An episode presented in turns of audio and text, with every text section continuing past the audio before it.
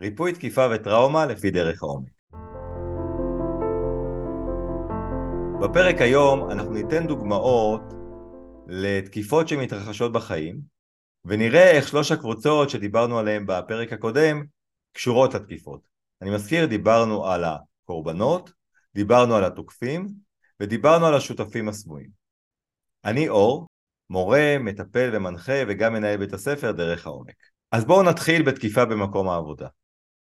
כאשר אה, בוס או בוסית תוקפים את אחד העובדים שלהם ומשפילים אותם ופוגעים בהם וצורכים עליהם על בסיס יומיומי זו תקיפה. חשוב להבין שיש את מי שנפגע, שזה העובד או העובדת שפוגעים בהם, יש את מי שפוגע, שזה הבוס או הבוסית, וגם יש אנשים נוספים שקשורים לתקיפה, שבלעדיהם זה לא היה יכול להתרחש.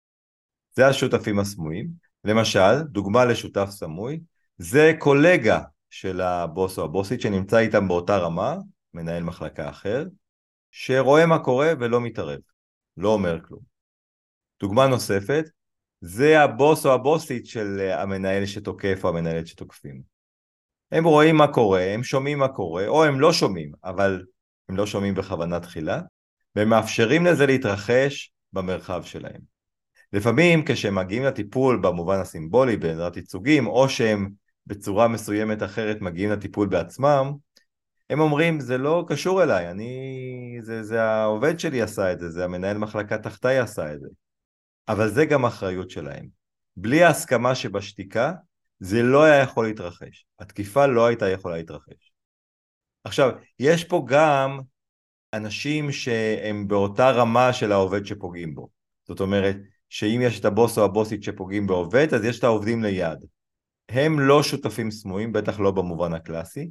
הרבה פעמים הם נפגעים בעצמם. יש שם כל מיני ניואנסים, אנחנו נדבר עליהם בזמן אחר. בואו ניקח דוגמה נוספת מתחום המשפחה. כאשר בני המשפחה תוקפים את אחד מבני המשפחה, מנדים אותו, אה, לא משתתפים איתו במשאבים, מפלים אותו לרעה או אותה, זו תקיפה. עכשיו לתקיפה הזאת בדרך כלל יהיו הרבה שותפים. אז יהיה לרוב את ההורים, יכול להיות שיהיה אחד יותר דומיננטי, לא, לא חובה. יהיה גם את האנשים האחרים במשפחה שהם קרובים בהיררכיה להורים. אני מתכוון לדודים, לסבא ולסבתא, ההורים של ההורים, אפילו לפעמים החברים של ההורים. זאת אומרת, אנשים שנמצאים עם אותם הורים שאחראים על הנידוי או ההשפלה או הקיפוח וכולי, שהם תוקפים, יש עוד כאלה שיודעים ולא עוצרים אותם. לא אומרים להם ככה לא מתנהגים, לא מתערבים. עכשיו, הרבה מאוד פעמים זה קשה להתערב, אבל אילו הייתה התערבות, התקיפה הזאת לא הייתה מתרחשת כמו שהתרחשה. אז חשוב להבין שיש פה עוד תוקפים פרט לתוקפים הראשיים, שאנחנו קוראים להם שותפים סמויים, ותמיד יש כאלה. התקיפה היא אף פעם לא בחלל ריק. בואו ניקח דוגמה נוספת, תקיפה מינית. לא קל לדבר על זה, ובכל זאת, אם ניקח למשל תקיפה מינית בילדות מאחד השכנים, אז ברור שמי שתקפו אותה או תקפו אותו הם הקורבנות. וברור שמי שתקף עשה דבר איום ונורא. צריך להבין שנניח שזה השכן, זה לא קרה בחלל ריק. היו כאלה שידעו, אולי חברים של השכן, אולי אנשים שהיו שם ליד, אולי קרובי משפחה של השכן שידעו שהוא עושה דברים לא מתאימים. לפעמים אפילו אחד ההורים ראה וידע משהו ולא עשה את המאמץ לשנות כי לא היה נוח, כי לא היה ברור בדיוק מה קורה, יש הרבה מאוד דוגמאות כאלה. תמיד צריך למצוא את השותפים הסמויים. בלעדיהם יהיה מאוד קשה להביא את הריפוי לתקיפה שהתרחשה. הם שותפים למה שקרה, אנחנו נרחיב על תקיפות מיניות כמובן גם בפרקים הבאים. התלבטתי אם להביא את הדוגמה של התעללות בתינוקות. להערכתי מדובר בתופעה מאוד מאוד רחבה, הרבה יותר ממה שאנחנו תופסים אותה היום.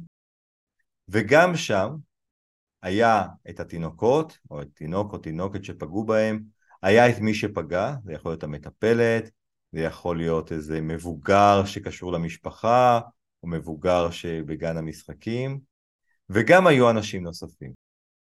אולי זה ההורה השני שלא אמר שום דבר, אולי זה מישהו במשפחתון, בגן, שראה ולא אמר שום דבר, אולי זה מישהו אחר. צריך לזכור שתמיד יש שם שותפים סמויים. דוגמה נוספת זה דוגמה של מטפלים שלפעמים פוגעים במטופלות שלהם או במטופלים שלהם. אז לכאורה זה קורה בחלל ריק, אבל לא. יש אנשים ליד שידעו. אולי זה ה supervision, ההדרכה של המטפל ששמע משהו, קלט משהו ולא לקח אותו. אולי זה הקולגות החברים. אולי כשהמטפל הלך לטיפול הוא אמר משהו ולא עצרו אותו לטיפול שהוא הלך בעצמו. הדברים האלו קורים לא פעם, שאותם תוקפים מביאים משהו למרחב סביבם, אבל המשהו הזה או שהוא לא נקלט, או שהוא מתייח... מתייחסים אליו בסלחנות, או שלא מבינים אותו, הם שם, הם חלק מהתקיפה. זה קשה לקבל את זה. אבל השותפים הסמויים הם חלק מהתקיפה, וכמו שאמרתי גם היום וגם בפרק הקודם, הם גם חלק מהריפוי. בפרקים הבאים אני אדבר על איך נעשה הטיפול, אם הוא במרחב האישי, במרחב הטיפולי, ואיך אפשר לפעול לטובת הריפוי.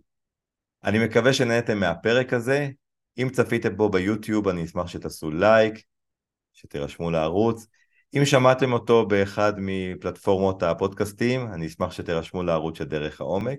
זה גם יעזור לאלגוריתמים השונים להבין שיש פה מידע עם ערך ולהנגיש אותו לאנשים המתאימים, וגם אתם תוכלו לקבל את הפרקים הבאים אליכם לפיד. להתראות.